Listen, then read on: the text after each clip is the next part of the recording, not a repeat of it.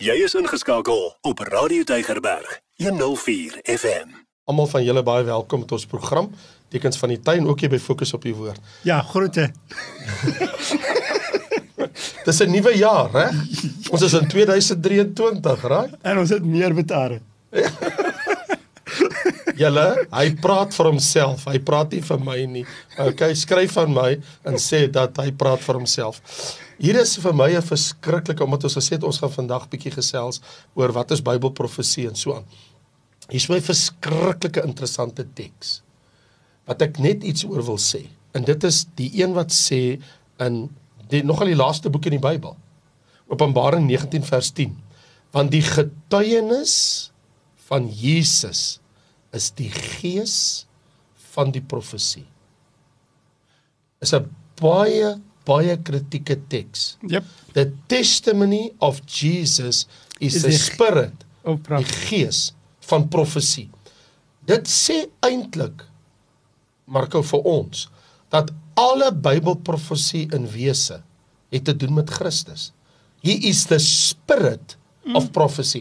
En weet jy as jy gaan na na die eerste profesie ooit in die Bybel uitgespreek, nou jy kan dit 'n profesie noem of jy kan dit 'n belofte noem. Genesis 3 vers 15. Dat die een wat uit die vrou kom, die saad van die vrou sal die kop van die slang vermorsel. Dis die gees. That's a spirit of prophecy. En die hele Ou Testament en Nuwe Testament speel uit rondom dit. Wat dink jy daarvan? Ja, ek dink in uh saam met dit, ek dink aan as jy as jy nou lees daai vers en die eerste ding wat kom met my kop is Jesus is amper soos hierdie die Bybel sê hy hy hy is die uh in Engels die cornerstone. Yes. En alles gaan Yes. oor hom in die Ou Testament en in die Nuwe Testament. Alles letterlik, letterlik alles is net oor Jesus. In ander woorde, die teks sê die Gees getuig deur die profesie van Christus. Presies. In die Ou Testament, hulle het die in ons een van ons vroeë programme ons het gepraat van die verskil uh, tussen die die boodskap van die koninkryk van die hemel yes. en die boodskap van genade. En Jesus sit net in die hoogpunte van al twee boodskappe. En nou in die Ou Testament, al die profete profeet oor hierdie koninkryk. Hulle profesie, maar Jesus homself is die koning. Daar kom die koning, maak die Jode die koning dood. En koning staan uit. En nou, ons is in die genade periode en nou ons het al die profesieë in die Bybel wat praat nog steeds van daai koning Jesus. So die, ek stem saam met jou. Al die profesieë in die Bybel praat eintlik van Jesus. In in die hart van profesie, nê. Nee, baie mense dink, maar hoekom maak ek en jy altyd so gewag van profesie? Hoekom wil ons altyd praat oor Bybelprofesie? Ek dink kom ons sê dit vir wat dit is. Ek wonder of die mense dit weet dat 1 kwart van jou Bybel, 25% van jou Bybel is profesie. Dis presies. En dit is 'n boek van profesie. Ja. Dis 'n bewese feit. Bybelprofesie bewys bo enige twyfel dat God die toekoms ken en dat hy in beheer van die toekoms is want hoekom sal ek en Marko vandag met julle wil praat oor Bybelprofesie? Want ons wil met julle praat oor die God wat die toekoms ken, dit aan ons openbaar. Ons is in 2023. Ons is nog 'n jaar nader aan die wegraping, ook aan die wederkoms van die Here vir hulle wat die wegraping gaan mis, aan die komende anti-kris wat kom.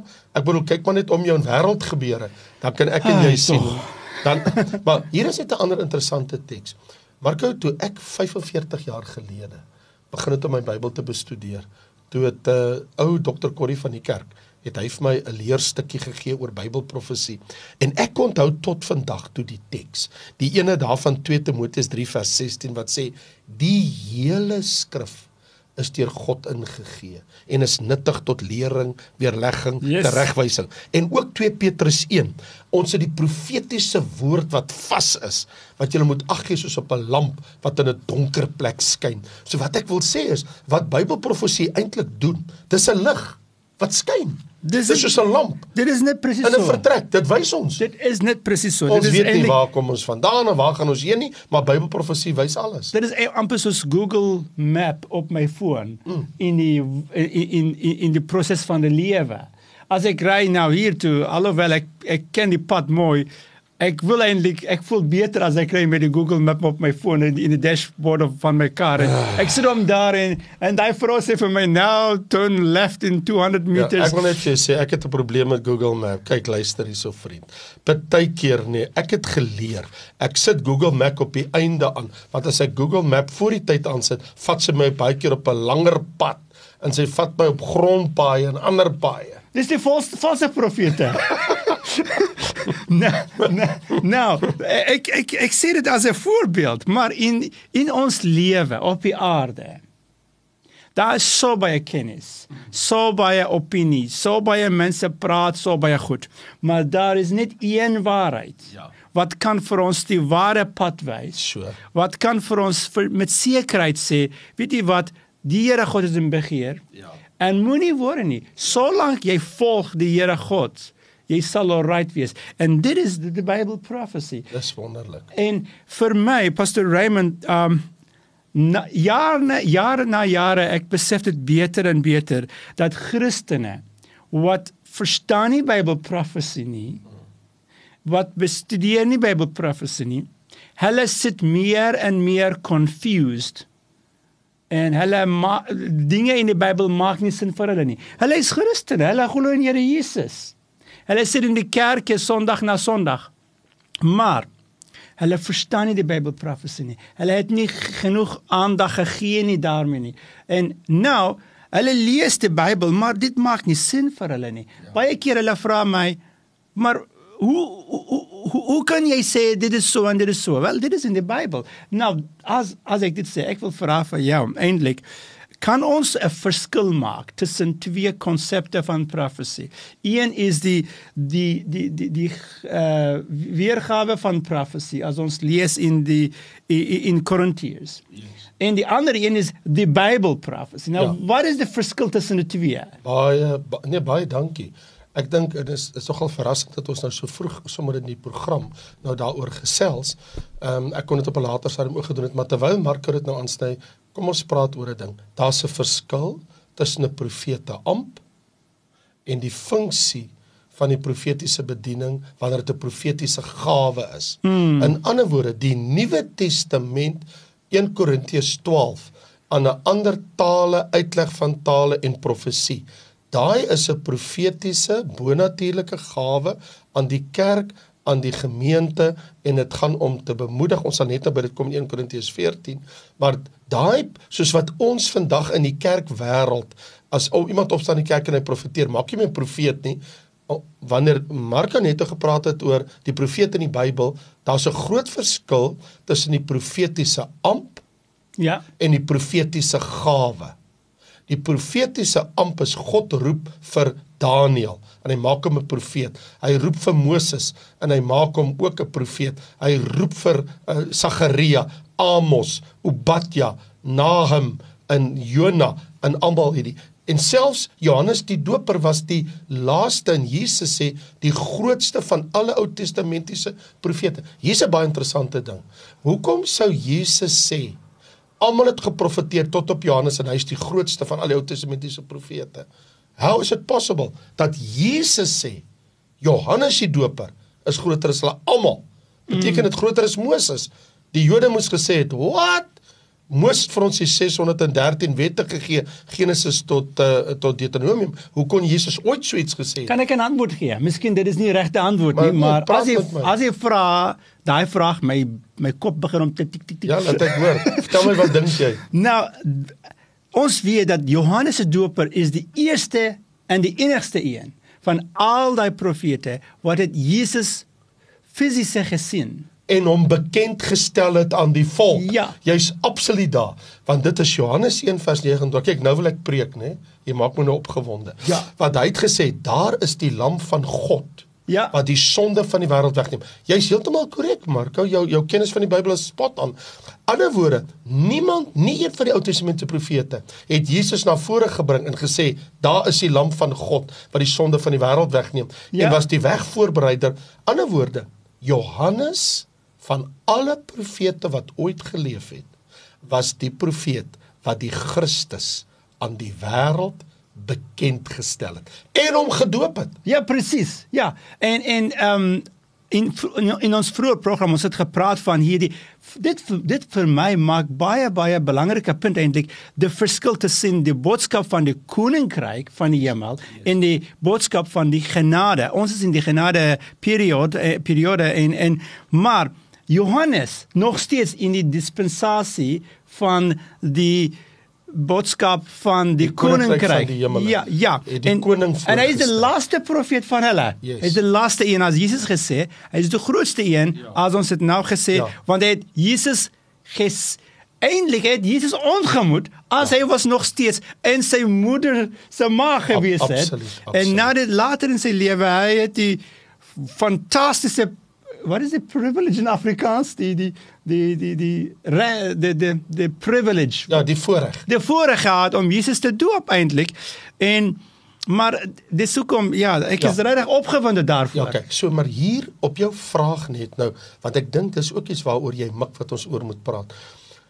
Dis Johannes is die laaste van van die Bybel sê Jesus sê almal het geprofeteer tot op Johannes en hy is die laaste. Ja. So nou, so die profete amp van die Ou Testament het gesluit met Johannes die Doper volgens Jesus se eie woorde. Ja. Vraag: Was daar Nuwe Testamentiese profete? Absoluut. Want die Bybel sê in in Efesiërs en dat die Nuwe Testament is geskrywe en is opgestel deur die apostels en die profete. In ander woorde, God het ook profete gehad. Petrus in 'n sekere sin was 'n profeet ja. want hy het geprofeteer oor Jesus se wederkoms. Maar maar maar maar maar dit was 'n nuwe dispensasie. Net so, maar va, ons gaan nou daaroor iets baie interessant sê. Johannes die apostel, die geliefde, Hy het die hele boek Openbaring geskryf. Dis 'n ja, profesie. Grootste van die profete in die so, Nuwe so, Testament, so, ja. Okay, so hy's ja, right. So hy's weer die grootste van die profete in die Nuwe Testament. Maar hier wil ek 'n baie belangrike ding maak en ek vertrou jy gaan my saamstem.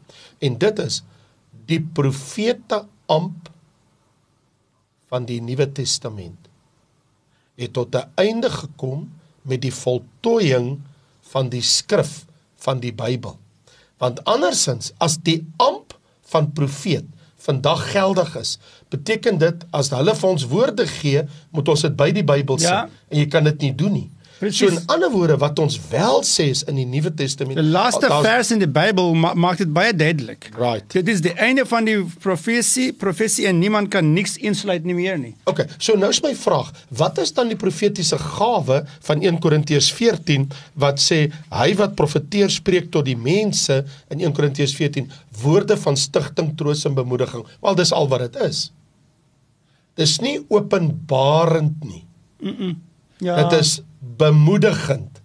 Hy sê, jy moet mooi lees wat staan hier. Daar staan hy wat profeteer spreek tot die gemeente woorde, hier is die profesie ja.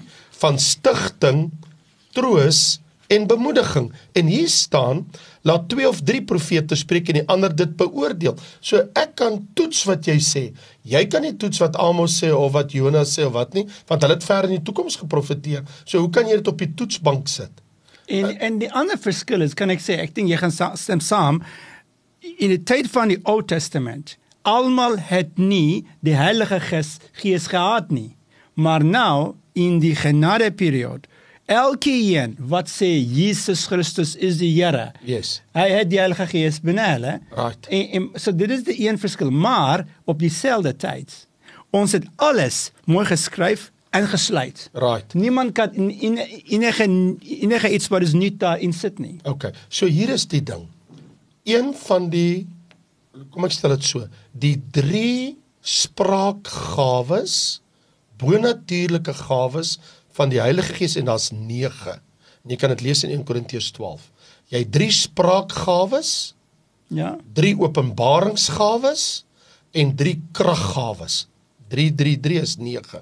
Die drie spraakgawes is tale, uitleg van tale en profesie. Dit is bonatuurlik.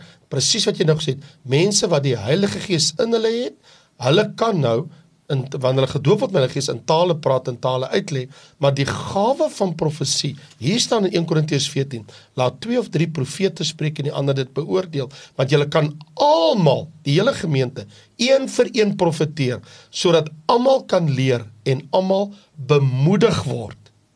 So hier staan, hy wat profeteer, spreek tot die gemeente woorde van stigting, troos en bemoediging. Ek wil net 'n baie belangrike punt maak, Marko, en ek weet nie of die mense my net te mooi gehoor het nie, maar dit is krities belangrik om dit te verstaan. En dit is dat die die gawe van profesie as 'n bonatuurlike gawe in die Nuwe Testament dra nie by hom 'n openbaringselement nie. Mm. Dit dra by hom 'n aanmoediging en 'n bemoediging en versterking van gelowiges. Anderswoorde die Nuwe Testamentiese profetiese gawe in die kerk is om vir iemand te sê, hoor hierso, die Here het vir my gewys volgende Vrydag kry jy 'n nuwe job en jy gaan nou 'n nuwe predikant by daai en daai kerk wees. Die oomblik as iemand dit sê, is dit nie meer die gawe van profesie van die Nuwe Testament nie. Nou beteken dit daai woord van okay, jy word nou bemoedig, die Here gaan dit vir jou doen dan moet 'n ander gawe saam met dit opereer. Een van die drie openbaringsgawes en die openbaringsgawes 'n woord van wysheid of 'n woord van kennis. Nou wil ek net iets interessant sê. 'n Woord van wysheid het te doen met die toekoms. 'n mm. Woord van kennis het te doen met die verlede. Kyk, jy sal vir my sê ek het wysheid nodig om te weet wat moet ek doen. So 'n woord van wysheid praat oor iets toekomstig. In ander woorde, as iemand so stelling sou maak om te sê dit en dit gaan oor 'n week of oor 'n maand gebeur en dit het werklik gebeur, dan beteken dit nie daai persoon is 'n profeet nie. Al wat dit beteken is dat die bonatuurlike gawes ek sê gawes van die Heilige Gees het nou gewerk deur daai persoon deurdat hy het vir daai persoon 'n woord van aanmoediging, bemoediging gegee, toe kom daar 'n tweede gawe wat opereer en 'n so openbaringsgawe wat sê en God het gesê ek gaan vir jou dit doen. Nou dit mm. het te doen met 'n woord van wysheid of de, iets toekomstig. So ek wil dit net verduidelik want mense verstaan nie, maar hoe kan iemand want as iemand dan nou hierdie goed sê kom uit dan sê hulle maar hy's 'n profeet. Nee. Hy hy's nie 'n profeet in die sin van 'n Bybelse profeet in die Ou en Nuwe mm. Testament nie. Die kanon is afgesluit. Presies. Die Ou en Nuwe Testament. Nou, ek is bly dit so mooi gesê het. En nou ons kom baie naby met 'n teologiese standpunt wat is in Engels hulle noem dit cessationism. Yes. Cessationism yes. sê yes. met die afslu met die yes. afsluiting van die Bybel. Ja, ja, ja, ja. Al die al die werke van die Heilige Gees ja, is, nou, is nou tot niet. Tot niet en en dat da, jy kan nie verwag om 'n apostels of 'n profetiese werk sien nie en ek verstaan van waar of kom hulle? Hulle ja. eintlik wat hulle sê is eintlik op die basis van net wat ons het gesê het. Maar daar's 'n Ek wil net sê daar's 'n klein maar baie belangrike ehm um, detail daar. Dit is ons kan nie sê Heilige Gees kan nie niemand gebruik nie om 'n profesie of 'n of 'n woord van wysheid of 'n woord van kennis te gee nie. Openbare. Ons kan nie dit sê nie. Heilige Gees opereer in en deur al die kinders van die Here God wat glo in Here Jesus. Nou, hulle is kinders want hulle glo in Here Jesus. Hulle is kinders van God want hulle glo in Here Jesus. Maar die Heilige Gees opereer uh, deur hulle. En maar dit maak nie hulle nie 'n profeet nie. Nee. Ek stem saam met ja. jou. So so kan ek kan ek dit bring dit tot ons huis Suid-Afrika toe. Ja, hou net vas voor jy dit doen. Hier's twee tekste wat dit ondersteun wat jy nou gesê het. Mm maar aan elkeen 1 Korintiërs 12 vers 7 aan elkeen word die openbaring van die gees gegee met die oog op wat nuttig is. Op daai oomblik wil God 'n boodskap vir sy kind gee. En nou sê hier maar al hierdie dinge werk een en dieselfde gees wat aan elkeen afsonderlik uitdeel soos hy wil. So jy het nie beheer daaroor nie. Jy kan dit nie manipuleer nie. Ja. God doen dit op daai moment vir sy kind. Presies presies. En nou maar ek wil sê ons moet baie versigtig wees. In Suid-Afrika ek sien dit so baie. Dat baie mense loop rondom met 'n badge op hulle shoulders. Ek ja. is 'n apostel en ja. hy is 'n profeet en ja. hierdie hy hierdie mannetjie sê groot groot apostel. Vers, vergewe my, maar dis heeltemal nonsens. Ja, ja nee, dis onbybels. Ja. So absoluut uh, onbybels. Die Here gebruik sy kinders as hy wil maar die, al die glorie behoort aan die Here homself. Ons is net dienaars en nie meer as dienaars nie. Nou, uh, saam met dit, uh, ek sien ons is net 1 minuut uh, en en jy het nog paar woorde ja, daar. Ja, ek dink ons moet saamvat want ek jy sien ook die tyd het uitgeloop.